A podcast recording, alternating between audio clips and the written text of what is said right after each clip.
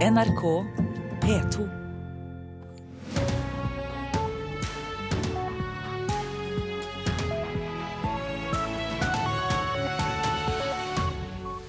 Og her i Nyhetsmorgen i P2 og Alltid nyheter skal du bl.a. få høre mer om disse sakene.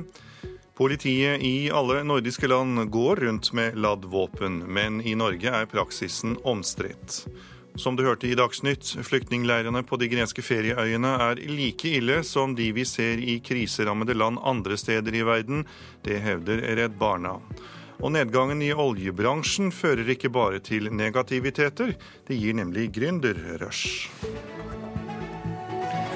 Riktig god morgen og velkommen til Nyhetsmorgen med Tor Albert Frøsland. Aller først skal vi høre at det er for mye våpen i omløp. Det hevder politiet i Oslo. I går ble en vekter skutt på Universitetet på Blindern i Oslo. Skytevåpen får mye oppmerksomhet fra politiet. Kongeveien til politiets oppmerksomhet og prioritering er nettopp våpenbruk. Sier Einar Aas i seksjon for organisert kriminalitet i Oslo-politiet. Han leder et prosjekt for å få oversikt over hvor mye våpen de tunge kriminelle har. De mest intelligente blant uh, tunge kriminelle unngår nok kanskje våpenbruk hvis de kan det. De siste åra har de tatt hånd om over 100 våpen fra kriminelle grupper i Oslo. Men enn så lenge vet de lite om hvor mye våpen som finnes totalt. Tallene er nokså stabile. Så langt i år har vi beslaglagt 15 ulovlige våpen i de kriminelle miljøene. Det er ikke hvem som helst som kan få fatt i denne type våpen, sier Rås. Det er ikke veldig lett å få fatt i. Det forutsetter sannsynligvis kontakter i de kriminelle miljøene.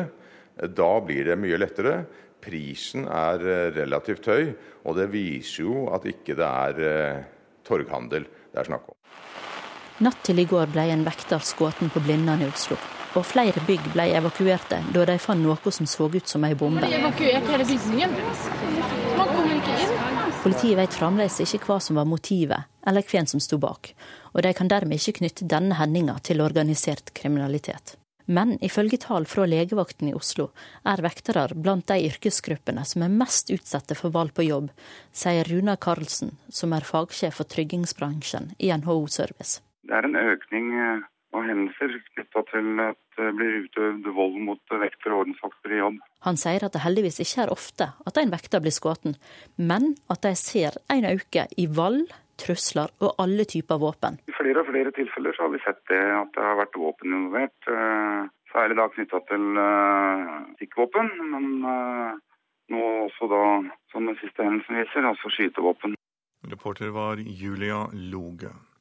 Politiet i alle de nordiske landene, bortsett fra Island, bruker skarpladde våpen i tjeneste. Det vil si at det ligger en patron klar i kammeret til enhver tid. Først denne uken bekreftet Politidirektoratet at norsk politi bruker ladde tjenestevåpen på jobb. I Sverige og Finland er praksisen frivillig. Våre bestemmelser tillater oss å velge selv hvordan vi bærer våpen. og i dag bär ju den äldre delen av polisen förmodligen oladdade vapen och den yngre delen bär företrädesvis laddat vapen. Men, men, for å bære laddat vapen så måste man då ha gått en utbildning og sen får man välja selv. Det sier Magnus Ros, som er våpenansvarlig i Region Vest i det svenske politiet i Göteborg. Ros er selv sterk tilhenger av bevæpna politi, og han oppfatter ikke at debatten om ladde tjenestevåpen i Sverige er stor, i hvert fall ikke innad i politiet. Det er en debatt om hur, en liten debatt si, om hvordan svensk politi har skutt under en periode. Hvor skotten har truffet, har, har, man diskutert eh, litt og hvorfor. Men jeg kan ikke påstå at det er noen stor debatt. Mye, mye liten, skulle jeg si. I Sverige har politiet blitt sterkt kritisert for overdreven bruk av skytevåpen og mange skader som følge av våpenbruk, også i form av vådeskudd. Finsk politi bruker også våpen ofte, men der regnes det også som våpenbruk om de truer med våpen, og i Finland er skadeomfanget relativt lite. Det er det også i Danmark. I Finland har politiet vært bevæpna siden 1918, og debatten rundt bevæpning er omtrent ikke-eksisterende. Og i likhet med i Norge bruker alle disse landenes politi ladde våpen i tjeneste, dvs. Si at det ligger en patron klar i kammeret. Professor ved Politihøgskolen i Oslo, Johannes Knutson, er svært skeptisk til denne praksisen, også på bakgrunn av hendelsen i Stavanger i forrige uke, hvor en uvedkommende klarte å fyre av et skudd med et politivåpen. Vi har jo sett nå her, det, det, det finnes jo alltid en risiko når, når man havner i handgemengssituasjoner, at det kan gå veldig ille. Gudskjelov så ble ingen skadet nå her i Stavanger, men det kan gå ille. Den risikoen finnes. Jag är ju en ivrig anhängare av, av den, det ubeväpnade politiet. Och om man nu, jag hoppas att man snart går tillbaka till det, då finns ju inte det här problemet på samma sätt. Reportere det var eh, Arne Egil Tønseth og Martin Sondag. Flyktningleirene på de greske øyene er like ille som de vi ser i kriserammede land andre steder i verden. Det sier Redd Barna, som har undersøkt forholdene i leirene på turistøyene Lesbos, Kios og Kos. Rundt 8000 flyktninger mangler både mat, vann og sted å sove. Det er en påminning om at verdens flyktninger er rett rundt hjørnet, og de er på Europas dørstokk. Det sier Janne Rånes, som er sjef for Norgesprogrammet i Redd Barna. I dag legger organisasjonen frem en rapport som viser hvordan flyktningene på øyene der vi slikker sol og drikker paraplydrinker, har det. Og spesielt er Rånes opptatt av de minste. Redd Barna ser jo situasjoner her som vi ser i krigs- og krisesituasjoner andre plasser i verden. I to uker har ansatte fra Redd Barna reist rundt i leirene på Kos, Lesbos og Kios. Og i rapporten har de beskrevet det de har sett og hørt. Mange av disse barna forteller om eh, vold og overgrep de er utsatt for på reisen. Ehm, vi ser òg at mange unger er syke. Babyer er så dehydrert at man er redd for at de kan dø av heteslag. Mange har fått solforbrenninger. Vi vet jo, altså Dette er da på våre altså nordmenns ferieparadis, der vi er veldig veldig opptatt av hvilken solfaktor vi skal bruke. Og de her har jo ikke sjans til å komme unna sola. og Særlig for babyer så ser man da at forbrenning er et problem. I tillegg er det mangel på leger, dusj, do, madrasser, drikkevann og mat. Mange barn får mat bare én gang om dagen, og det er i hovedsak de sterkeste som klarer å kare til seg nødhjelpen som kommer. Det blir kamp om få ressurser, og de sterkeste klarer seg. Og vi ser at særlig barn og gamle og syke er de som stiller bakerst i køen også her. Redd Barna mener situasjonen er så ille at de kaller den en humanitær krise. Vi vet eh, hvilken situasjon Hellas er i, og de har altså ikke et mottakssystem som kan møte ungene sine behov i det hele tatt. Over 100 000 flyktninger har kommet til Hellas langs sjøveien i år. Og innen utgangen av året er tallet ventet å stige til 200 000. Og det i et allerede kriserammet land. Leirene ute på øyene er ment som kortvarige mottak, men mange blir værende i ukevis fordi fastlands-Hellas ikke har kapasitet til å ta imot alle som kommer. I løpet av dette året, og med den situasjonen der 40% av befolkninga i Hellas allerede lever under fattigdomsgrensa, så sier det seg sjøl at Europa må få opp øynene for den krisen. Dette har ikke Hellas sjans til å håndtere uten at storsamfunnet bidrar. Reporter var Kristina Nøymann.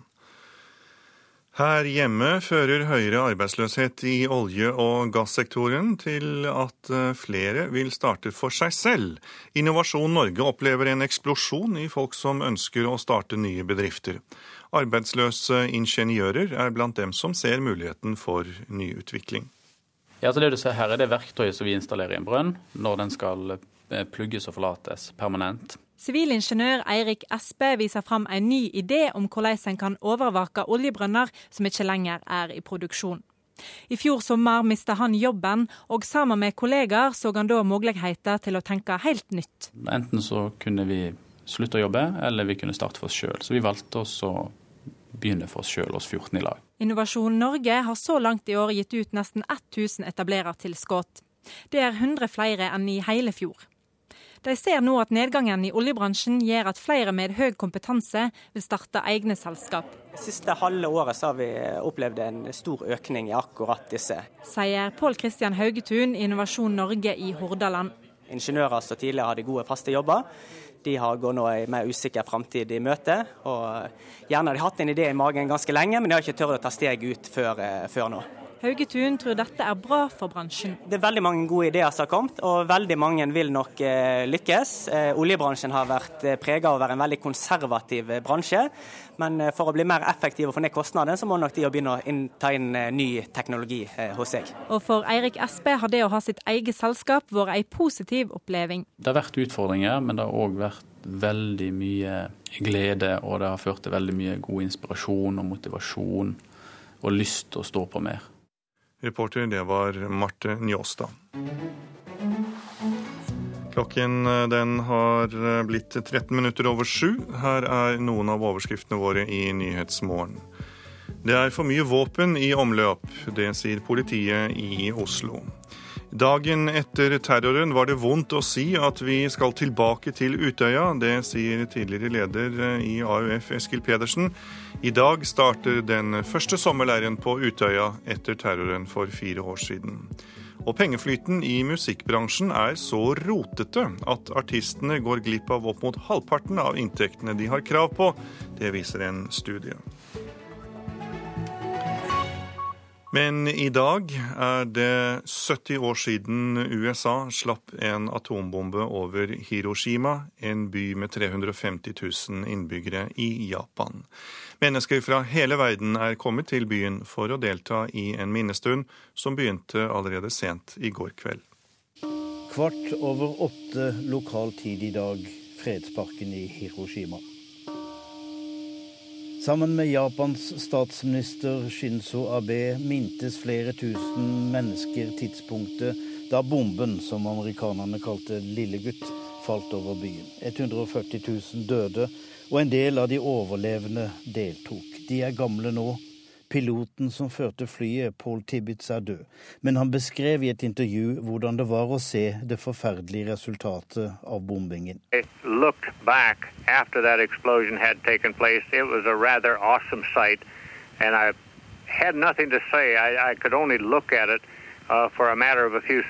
Piloten Tibbets orket ikke å se. Der nede på bakken i byen var ungjenta Jinko klient. I had a tremendous explosion and was blown away, feeling the very heavy pressure. Hun hørte et voldsomt smell og ble blåst av gårde. Så mistet hun bevisstheten. Da hun kom til seg selv, var det mørkt overalt, og mennesker skrek. Hun lå fastklemt i ruinene mens byen brant og bygningene falt sammen. En venninne skrek, men hun klarte ikke å rikke henne. Etter hvert ble ropene svakere og svakere. Kort tid etter overga Japan seg, og den annen verdenskrig var over. Bomben avsluttet krigen, sier noen. Liv ble spart, andre mener Japan var i ferd med å overgi seg. Men var dette en forbrytelse mot menneskeheten? Det var ikke tema den gang. Det sa reporter Tom Christiansen. Og siden stiftelsen i 1980 så har Nei til atomvåpen arbeidet for nedrustning og et universelt forbud mot alle typer atomvåpen. Tidlig på 80-tallet hadde organisasjonen over 130 000 medlemmer. Avtroppende daglig leder Anne Geir Grimsby Haarr, hva er status på medlemmene i dag? Eh, nei, vi har ikke like mange medlemmer som det vi hadde på høyden av engasjementet under den kalde krigen. Eh, men vi ser at eh, engasjementet nå er i veldig stor grad på vei tilbake. Og Mye av grunnen til det er at det mobiliseres internasjonalt for et folkerettslig forbud mot atomvåpen. Har folk blitt litt mer hva skal jeg si, sløve, siden de da tydeligvis ikke engasjerte seg og engasjerer seg så like, like mye? Nei, jeg tror ikke at dette har med folks eh, sløvhet å gjøre. Jeg tror det er flere grunner eh, til det.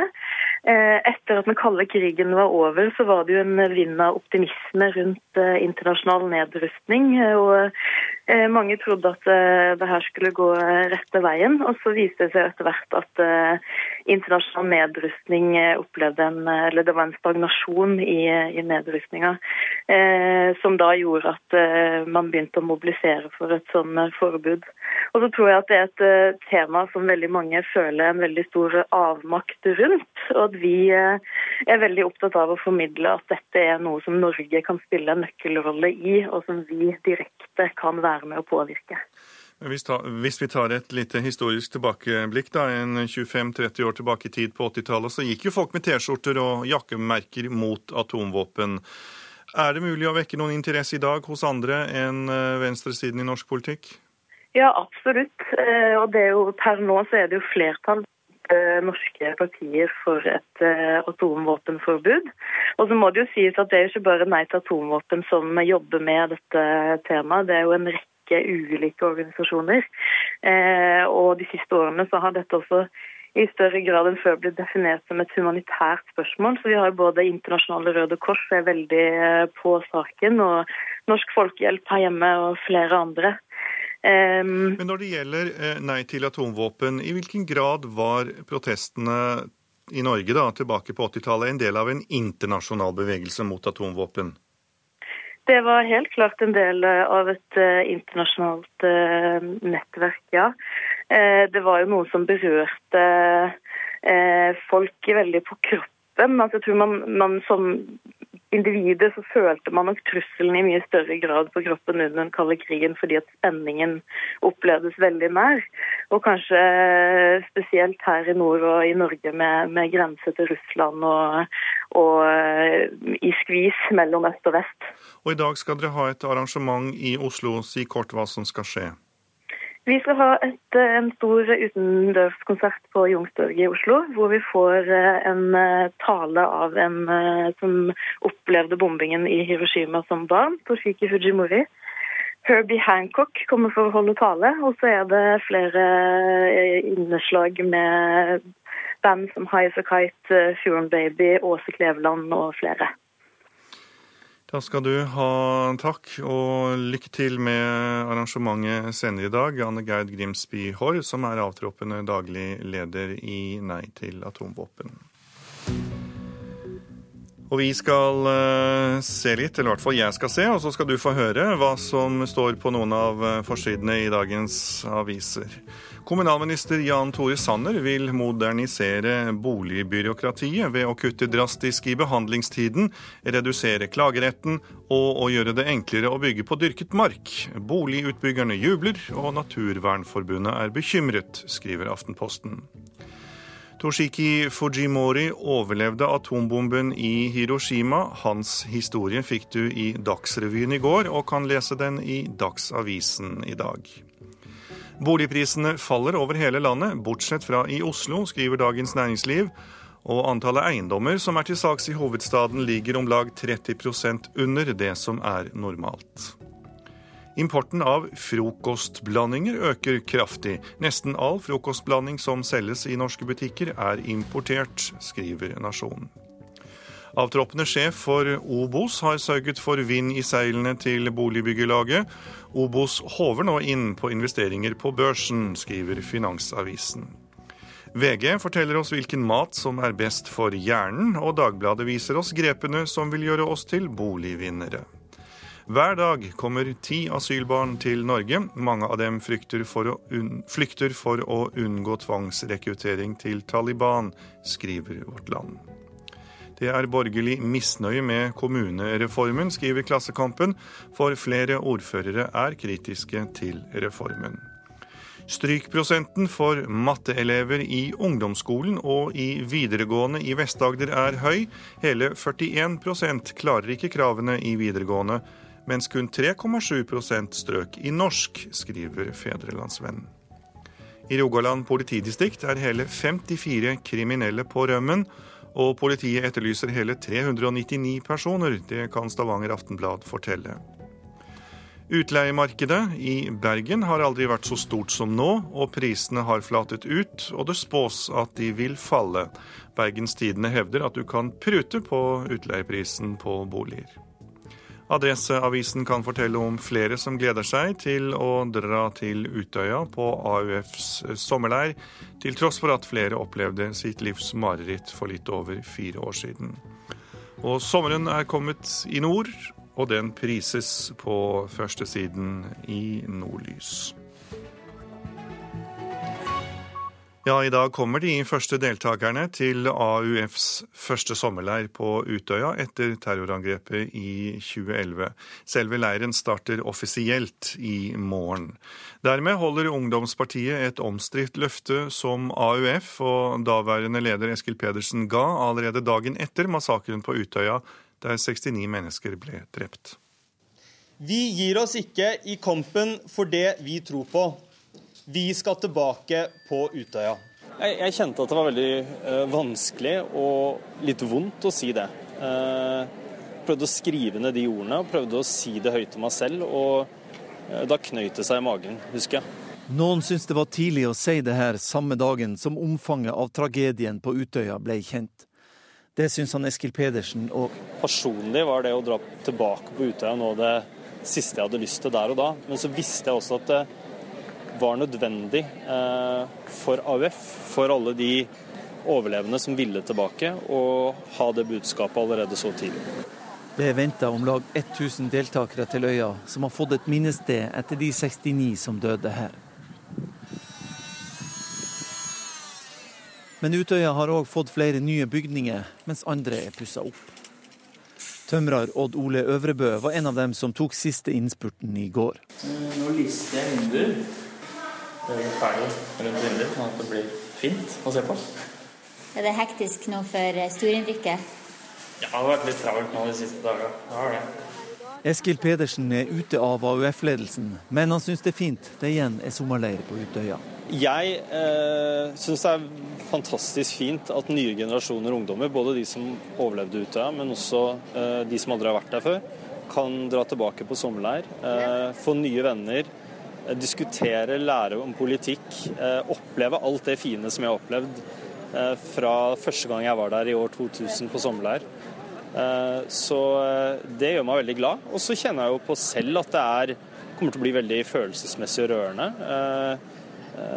Og jeg er gjest, jeg er ikke ungdom på sommerleir lenger. Så jeg ser både fram til det, men jeg tror også det blir en sterk opplevelse. Og reportere på Utøya da var Siv Sandvik, Linda Reinholdsen og Kjartan Røslett. Pengeflyten i musikkbransjen er så innviklet, uoversiktlig og rotete at artistene går glipp av mellom 20 og 50% av inntektene de har krav på. Det er konklusjonen i en omfattende studie av strømmemarkedet for musikk fra Berkeley-instituttet i Boston i USA. Nå er det flere som tar til orde for en slags fair trade-merking av musikken, som eh, vi kjenner fra rettferdig handel med kaffe. Men nei, systemet det er godt nok som det er, svarer plateselskapene selv.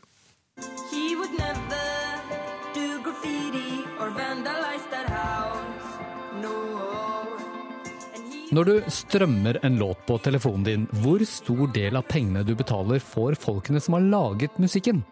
Dette er et spørsmål mange, ikke minst musikerne selv, har forsøkt å finne svaret på.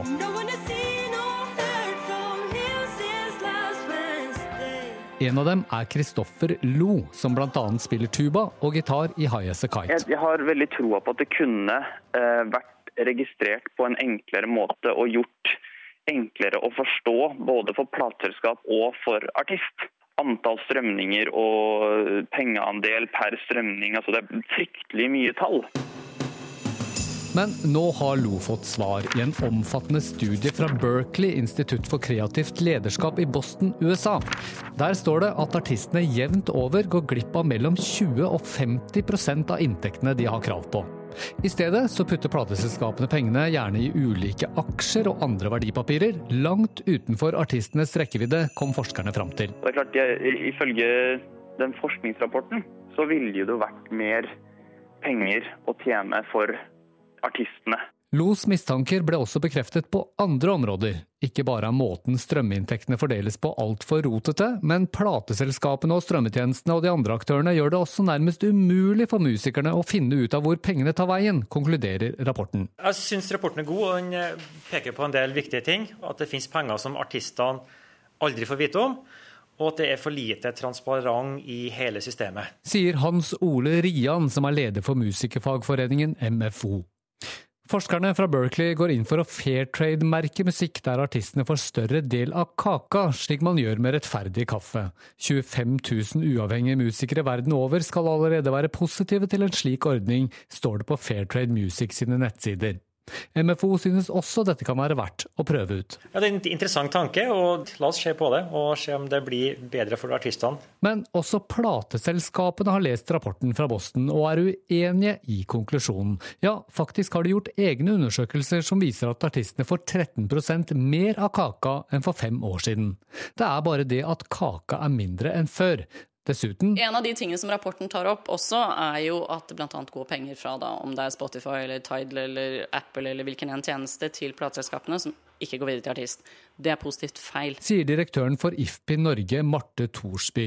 Hun er dessuten skeptisk til å fairtrade-merke musikk, og mener heller artistene må kurses i å forstå systemet som det er. Er det noe man ønsker seg, så er det jo ordentlig diskusjoner hvor alle sitter med samme kompetansenivå. Og der mener jeg artistene må gjøre en kjempejobb, også innen artistorganisasjonene, for å sette seg godt nok inn i det. Reportere det var Petter Sommer og Runa Rød. Og komikeren Bill Cosby må avgi rettslig forklaring etter å ha blitt anklaget for seksuelle overgrep mot en 15-åring på 70-tallet. Tidligere i sommer avviste amerikansk høyesterett Cosbys begjæring om at saken måtte henlegges. Dermed kunne kvinnen som skal ha blitt utsatt for overgrep, rette sivilt søksmål mot ham. En domstol i Los Angeles har nå beordret 78-åringen til å forklare seg om anklagene under ed 9.10, men hvor dette skal skje, det er foreløpig uklart. Og så tilbakekaller Volvo 600 biler i Norge pga. en feil med kollisjonsputene til 2016-modellen av den nye SUV-en XC90. Det opplyser eh, Volvo til Dagbladet. På verdensbasis kaller bilprodusentene rundt 10 000 biler tilbake. Etter Dagsnytt kan du bl.a. høre at den amerikanske tannlegen som ulovlig skjøt en løve i Zimbabwe, har mistet de fleste av pasientene sine. Men i Zimbabwe derimot, der tar folk oppstyret med fatning. Og i Politisk kvarter skal vi til Bergen. Bybanesaken holdt på å velte den eh, borgerlige avtalen om samarbeid i går.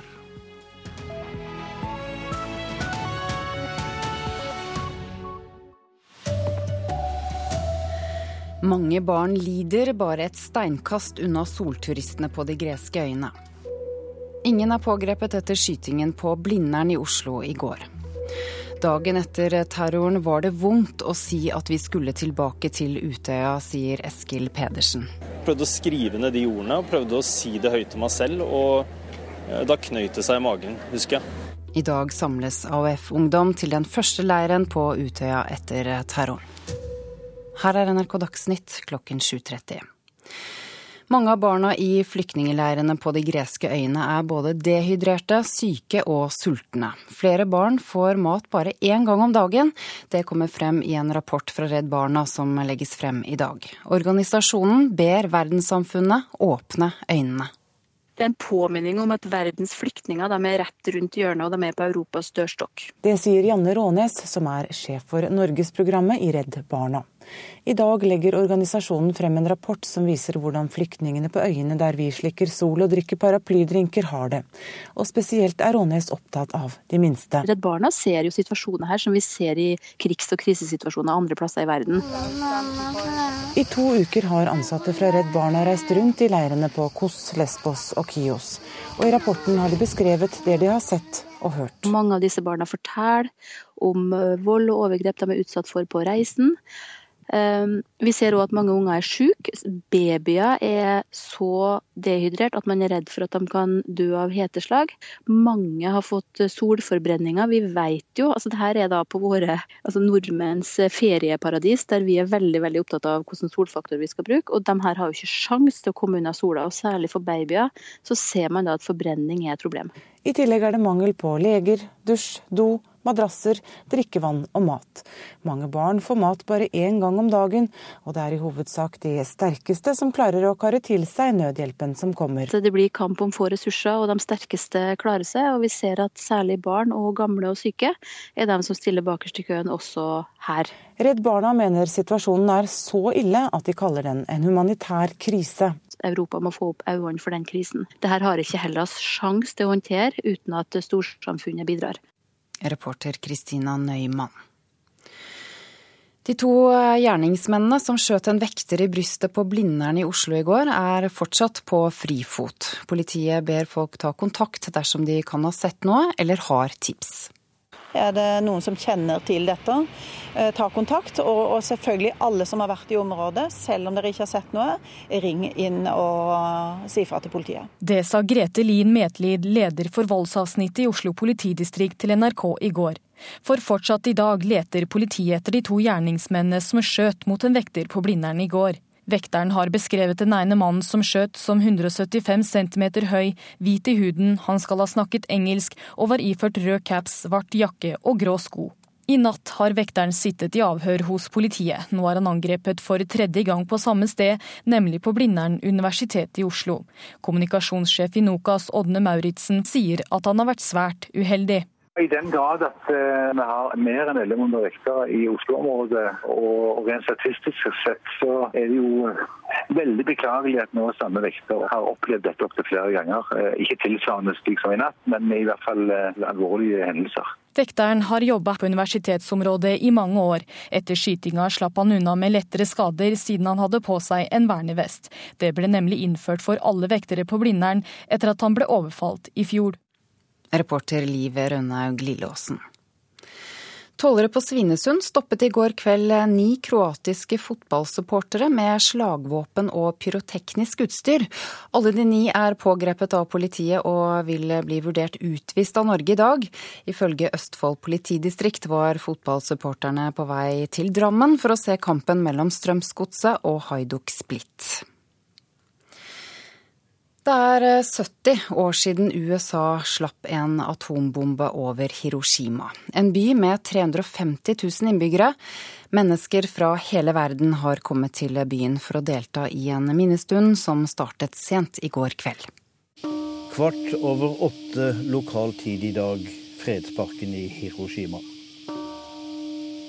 Sammen med Japans statsminister Shinzo Abe mintes flere tusen mennesker tidspunktet da bomben, som amerikanerne kalte Lillegutt, falt over byen. 140 000 døde, og en del av de overlevende deltok. De er gamle nå. Piloten som førte flyet, Paul Tibbets, er død, men han beskrev i et intervju hvordan det var å se det forferdelige resultatet av bombingen.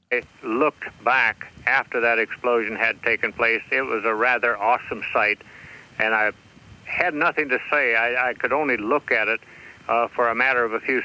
Piloten Tibbits orket ikke å se. Der nede på bakken i byen var ungjenta Jinko klient. I had a tremendous explosion and was blown away, feeling the very heavy pressure. Hun hørte et voldsomt smell og ble blåst av gårde. Så mistet hun bevisstheten. Da hun kom til seg selv, var det mørkt overalt, og mennesker skrek. Hun lå fastklemt i ruinene mens byen brant og bygningene falt sammen. En venninne skrek, men hun klarte ikke å rikke henne. Etter hvert ble ropene svakere og svakere. Reporter Tom Christiansen. Elever som klager på standpunktkarakterer fra ungdomsskolen, får ikke omgjort karakteren sin før etter opptaket til videregående skole. Grunnen er at lærerne er på ferie når klagene skal behandles. I verste fall kan det bety at elever ikke kommer inn på den videregående skolen de drømmer om. Dette er et utdatert system som svikter studentene, mener Kristoffer Hansen i Elevorganisasjonen. Nei, Dette er jo helt håpløst. Altså, Karaktersystemet vårt er jo avhengig av at det skal være rettferdig. Og når da elever ikke får lov til å søke på videregående med de karakterene som de rettferdig sett skulle ha hatt, fordi at klagebehandlinga tar for lang tid, ja, da er det helt håpløst og ekstremt urettferdig overfor de elevene som faktisk fortjener å komme inn på rettferdig grunnlag. De fleste klager på standpunktkarakterer kommer helt på slutten av sommeren. Så går de videre til Fylkesmannen, som skal se om skolens vurderinger er gjort i henhold til regelverket. Deretter sender Fylkesmannen sin vurdering tilbake til skolen, men der er alle på ferie. Det betyr at karakterene ikke endres før til høsten, etter at elevene allerede har kommet inn på videregående skole. Nasjonalt ble det sendt inn over 1100 klager i fjor, nærmere halvparten av disse fikk medhold. Hilde Austad, seniorrådgiver i juridisk avdeling i Utdanningsdirektoratet, mener klageordningen er viktig, selv om Elevorganisasjonen mener den ikke har noen hensikt. Og så er det selvfølgelig slik at alle systemer de kan sikkert alltid bli bedre. Men her må vi ta hensyn til elevenes rettssikkerhet. Og lærernes rett til ferie har jo også en betydning her. Men uansett, alle søkere som, eh, som søker på videregående opplæring, de får en plass. De har rett til å komme inn på ett av sine tre ønsker. Reporter Kaja Staude Michaelsen. I dag eh, kommer de første deltakerne til AUFs første sommerleir på Utøya siden terrorangrepet for fire år siden. Dermed holder ungdomspartiet et omstridt løfte som AUF og daværende leder Eskil Pedersen ga allerede dagen etter massakren på Utøya der 69 mennesker ble drept. Vi gir oss ikke i kampen for det vi tror på. Vi skal tilbake på Utøya. Jeg, jeg, kjente at det var veldig uh, vanskelig og litt vondt å si det.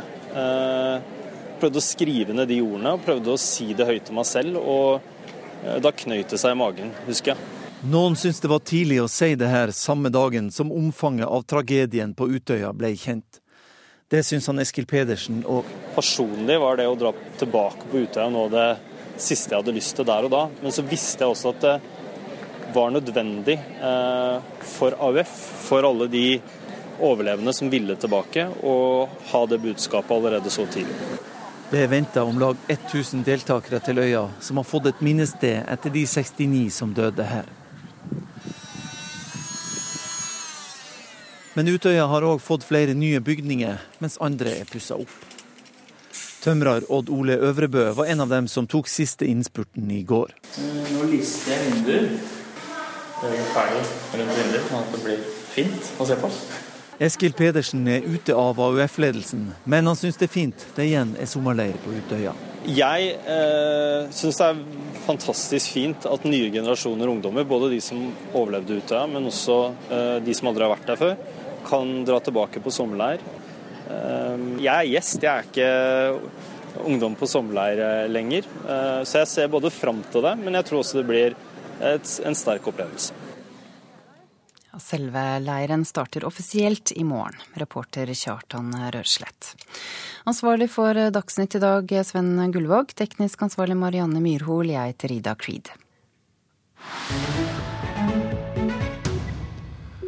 Og her i Nyhetsmorgen så skal vi høre om den amerikanske tannlegen som ulovlig skjøt en løve i Zimbabwe. Han har gått under jorden, og han har også mistet de fleste av pasientene sine. Men i Zimbabwe derimot, der tar folk oppstyret med fatning, for de fleste har nemlig aldri hørt om den nå så verdensberømte løven.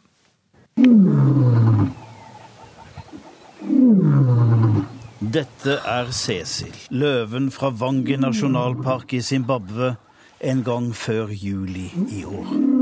Den verdensberømte Cecil som zimbabwere flest aldri har hørt om.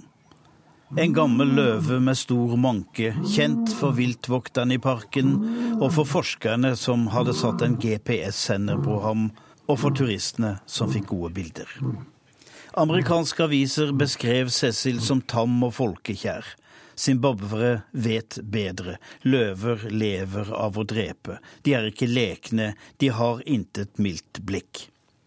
Når zimbabwere likevel raser over denne løvejakten, var det fordi den var ulovlig, utført av en rik, hvit amerikaner. Han lurte løven ut av nasjonalparken med åte og skjøt ham med armbrøst. Så fulgte han etter det skadde dyret i to dager før han skjøt Cecil. Alt var feil. Miljøvernministeren vil ha tannlege Palmer utlevert og rettsforfulgt. Til nå har de siktet de to zimbabwerne som organiserte jakten. De er tiltalt for ikke å ha grepet inn mot en forbrytelse, som det heter i tiltalen. Hva tannlege Palmers medhjelpere ikke fikk med seg, var at GPS-senderen var på. Viltvokterne kunne derfor spore Cecil der han forlot nasjonalparken og fortsatte langs hovedveien i rasende fart. Hm. De dro etter i en landrover og fant det drepte dyret og de to medhjelperne. Tannlegen var forsvunnet og vel tilbake i USA. Der ventet hans pasienter utenfor kontoret med slagord som morder og terrorist. Money, Han hadde brukt deres penger til dette løvedrapet. En skikkelig drittsekk. Løvejakt er ingen forbrytelse i Zimbabwe, men du må ha tillatelse. Godkjente reisebyråer organiserer jakten. Troféjegeren må ha med en lokalkjent jeger som har lisens til å felle de store løver og elefanter. Dyret skal felles i en kommune som har for mange villdyr, i henhold til reguleringen. Det koster innpå en halv million, og en tredel av beløpet går til kommunen, en tredel til forvaltningen av nasjonalparkene, mens den siste tredelen går til reisebyrået. Når en elefant felles, er det lokalbefolkningen som får elefantkjøttet, f.eks. Jegeren skal bare ha med seg støttennene. Mange klasseværelser er reist fra inntektene fra den eksotiske viltjakten som legger en løve i bakken. Men i USA er alt dette annerledes. Der har Disney fortalt dem at løver er mennesker de snakker. Like Og de synger. CNN ba den kjente zimbabwiske redaktøren Trevor Nchobe om en kommentar. Det fikk de ikke. Jeg har intet å si om løven, Cecil, men jeg kan si mye om Zimbabwes skokkjørte økonomi, sa Nchobe. Jeg er mer interessert i hvor det er blitt av Ital Jamara, en aktivist som forsvant for 160 dager siden og hvordan kan vi hjelpe tiggere og gateselgere. Men ingen gråter over dem, bare over den stakkars uskyldige løven. Rest in peace. Det sa Tom Kristiansen. Og overskriftene i Nyhetsmorgen i dag det er at det er for mye våpen i omløp. Det sier politiet i Oslo. Flyktningleirene på de greske ferieøyene er like ille som de vi ser i kriserammede land andre steder i verden, hevder Redd Barna. Og høyere arbeidsløshet i olje- og gassektoren gjør at flere vil starte for seg selv. Nå er Bjørn Myklebust kommet i studio og er klar med Politisk kvarter.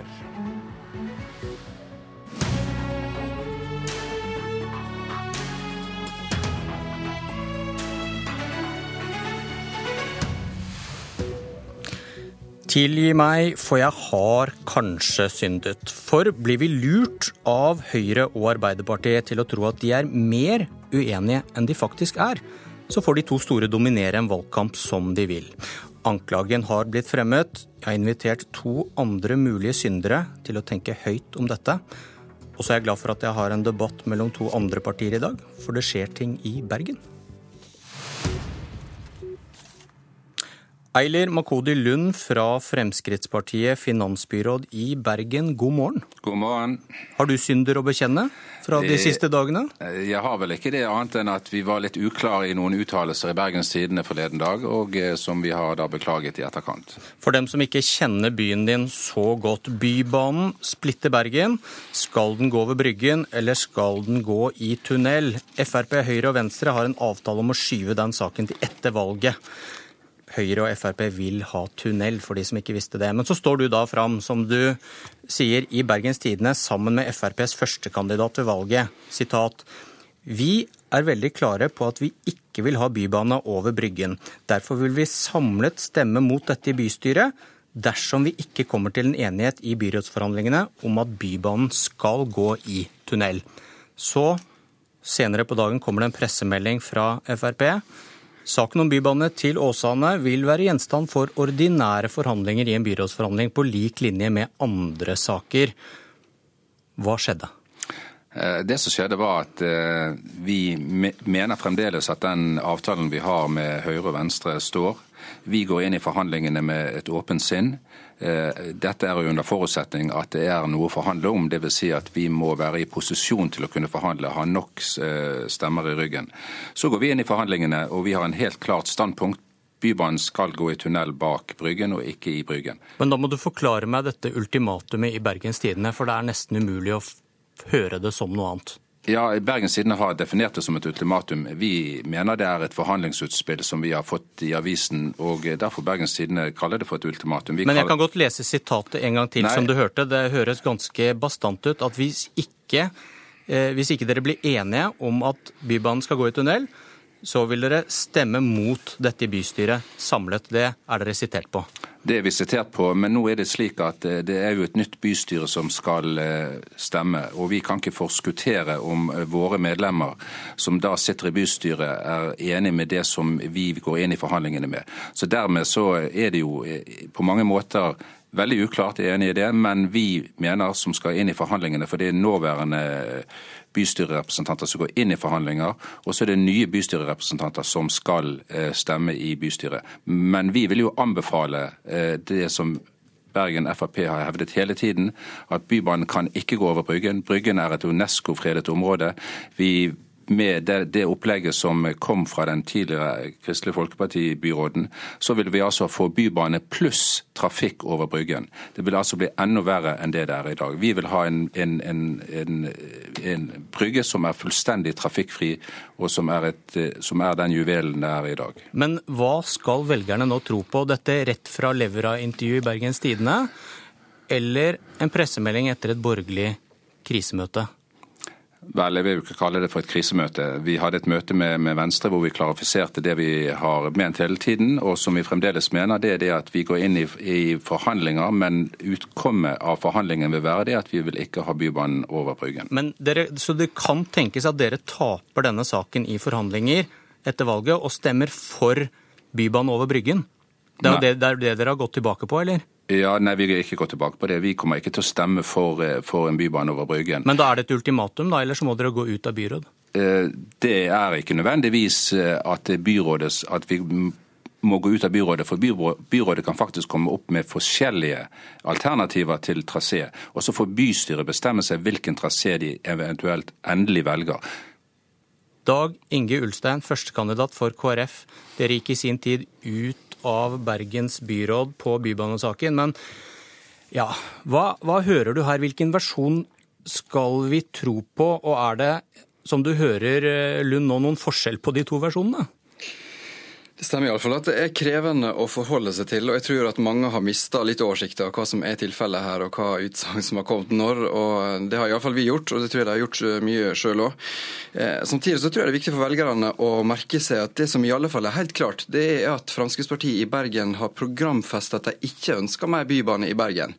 Eh, og Det er iallfall noe som det er vanskelig å, å demontere, sånn som de gjorde med den pressemeldinga si nå her for et par dager men, siden. Men hvordan leser du det han nå sier? hvor han, øh, står, står de egentlig fast på ultimatumet at Frp kommer aldri til å godta Bybanen over Bryggen? Det er jo det som er så absurd med de uttalelsene her. For der har en jo signert en avtale der en da ble enig om at en ikke skulle ha ultimatum. Så kommer uttalelsen at jo, vi har ultimatum.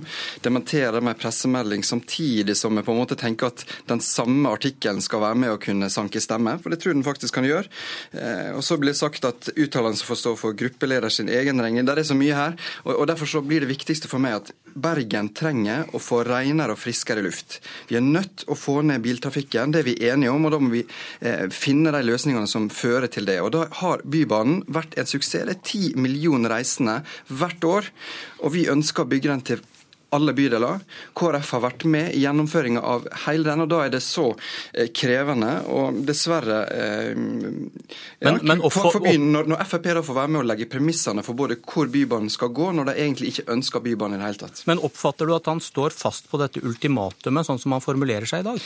Nei, altså, for Akkurat når det gjelder den uttalelsen, så tenker jeg at eh, det må være lov å komme med en glipp, sånn som det da har vært tydelig at eh, Voldseth, første gang at når eh, varaordføreren har sagt. Så, så akkurat den legger ikke i hvert fall jeg for mye. Vi var tydelige på at vi ikke kunne inngå en slik intensjonsavtale. Eh, og Da får jo Venstre og Høyre heller få mm, komme med en avklaring om de føler at det er et løftebrudd eller ei.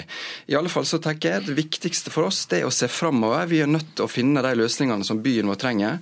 Eh, og, og som sagt, Bybanen har vært en suksess, og vi ønsker den til alle bydeler. Det er så mye av den nødvendige byutviklinga som, som kommer i kjølvannet av eh, bybane.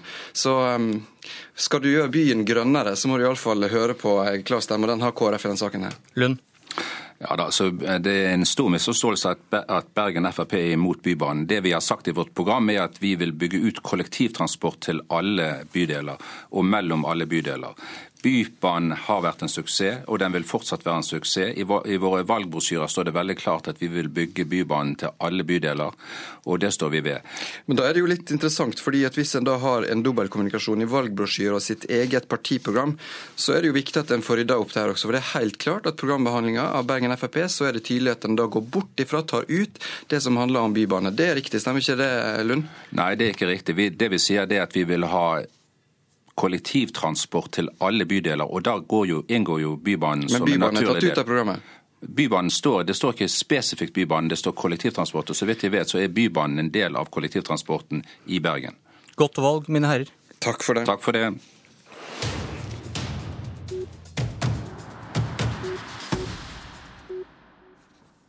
Er vi nyttige idioter for Høyre og Arbeiderpartiet? Politisk kvarter har to dueller denne uken. Partiene har kranglet i avisspalter og på lufta om kommunereform og arbeidsplasser. Og i kveld tar de regien selv. Partiene arrangerer den første duellen mellom Erna Solberg og Jonas Gahr Støre. Marie Simonsen, kommentator i Dagbladet. Har de lurt oss? Det gjør de vel, eller prøver så godt de kan eh, hele tiden. Det er jo en evig, evig dragkamp mellom mediene og politikerne om hvem som skal ha regien.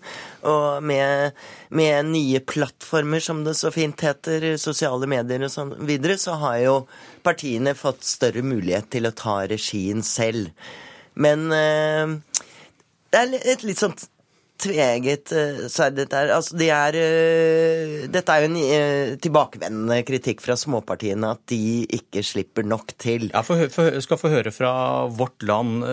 I går, avisa Vårt Land, sier Miljøpartiets Rasmus Hansson at Arbeiderpartiet og Høyre fremstiller seg som motpoler, og media er dessverre lydige mikrofonstativ. Ja, og det er absolutt i Høyre og Arbeiderpartiets interesse at de to blir stående som, som de dominerende og får, får legge agendaen og sette, sette dagsorden.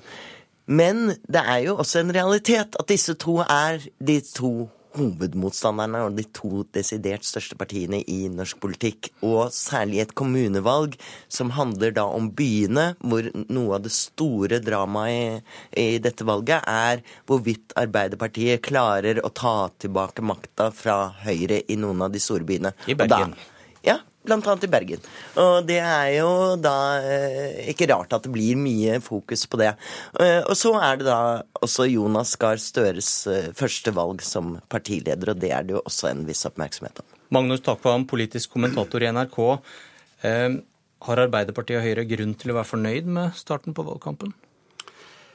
Vel, det er hvis du da med det tenker på eh, den debatten som har dominert f.eks. om eh, kommunereformen eh, isolert sett, for det er jo den som har fått dominere, så, så tror jeg nok Arbeiderpartiet har kommet litt bakpå i den sammenheng. Og ikke skal vi si, greide å kontre Høyres offensiv på det punktet. Men ellers så er det veldig tydelig å legge merke til at det Eh, regjeringspartiet Høyre nå utnytter, er eh, den regjeringsposisjonen de naturlig har, og peprer eh, mediene med utspill. I går var det løfter om kollektivtiltak i hovedstaden i Oslo. Vi husker de startet i Lofoten med tunnelløfter. I, dag er det også boligpolitikk. Slik at Høyre prøver helt åpenbart å vri den regjeringsslitasjen de opplevde til å begynne med i sin periode, til en fordel i valgkampen, og gjøre dette til en plattform for dem til å lansere nye ting for å, for å være det, det, beste og mest troverdige framtidspartiet. Men høy, Høyre mot Arbeiderpartiet, passer ikke Fremskrittspartiet like godt som skyteskive for Arbeiderpartiet, f.eks.?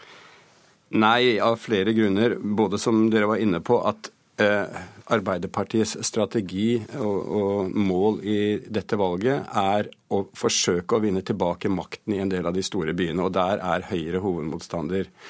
Og politisk sett så eh, tilsier tyngdelovene dermed at Høyre blir hovedmotstander.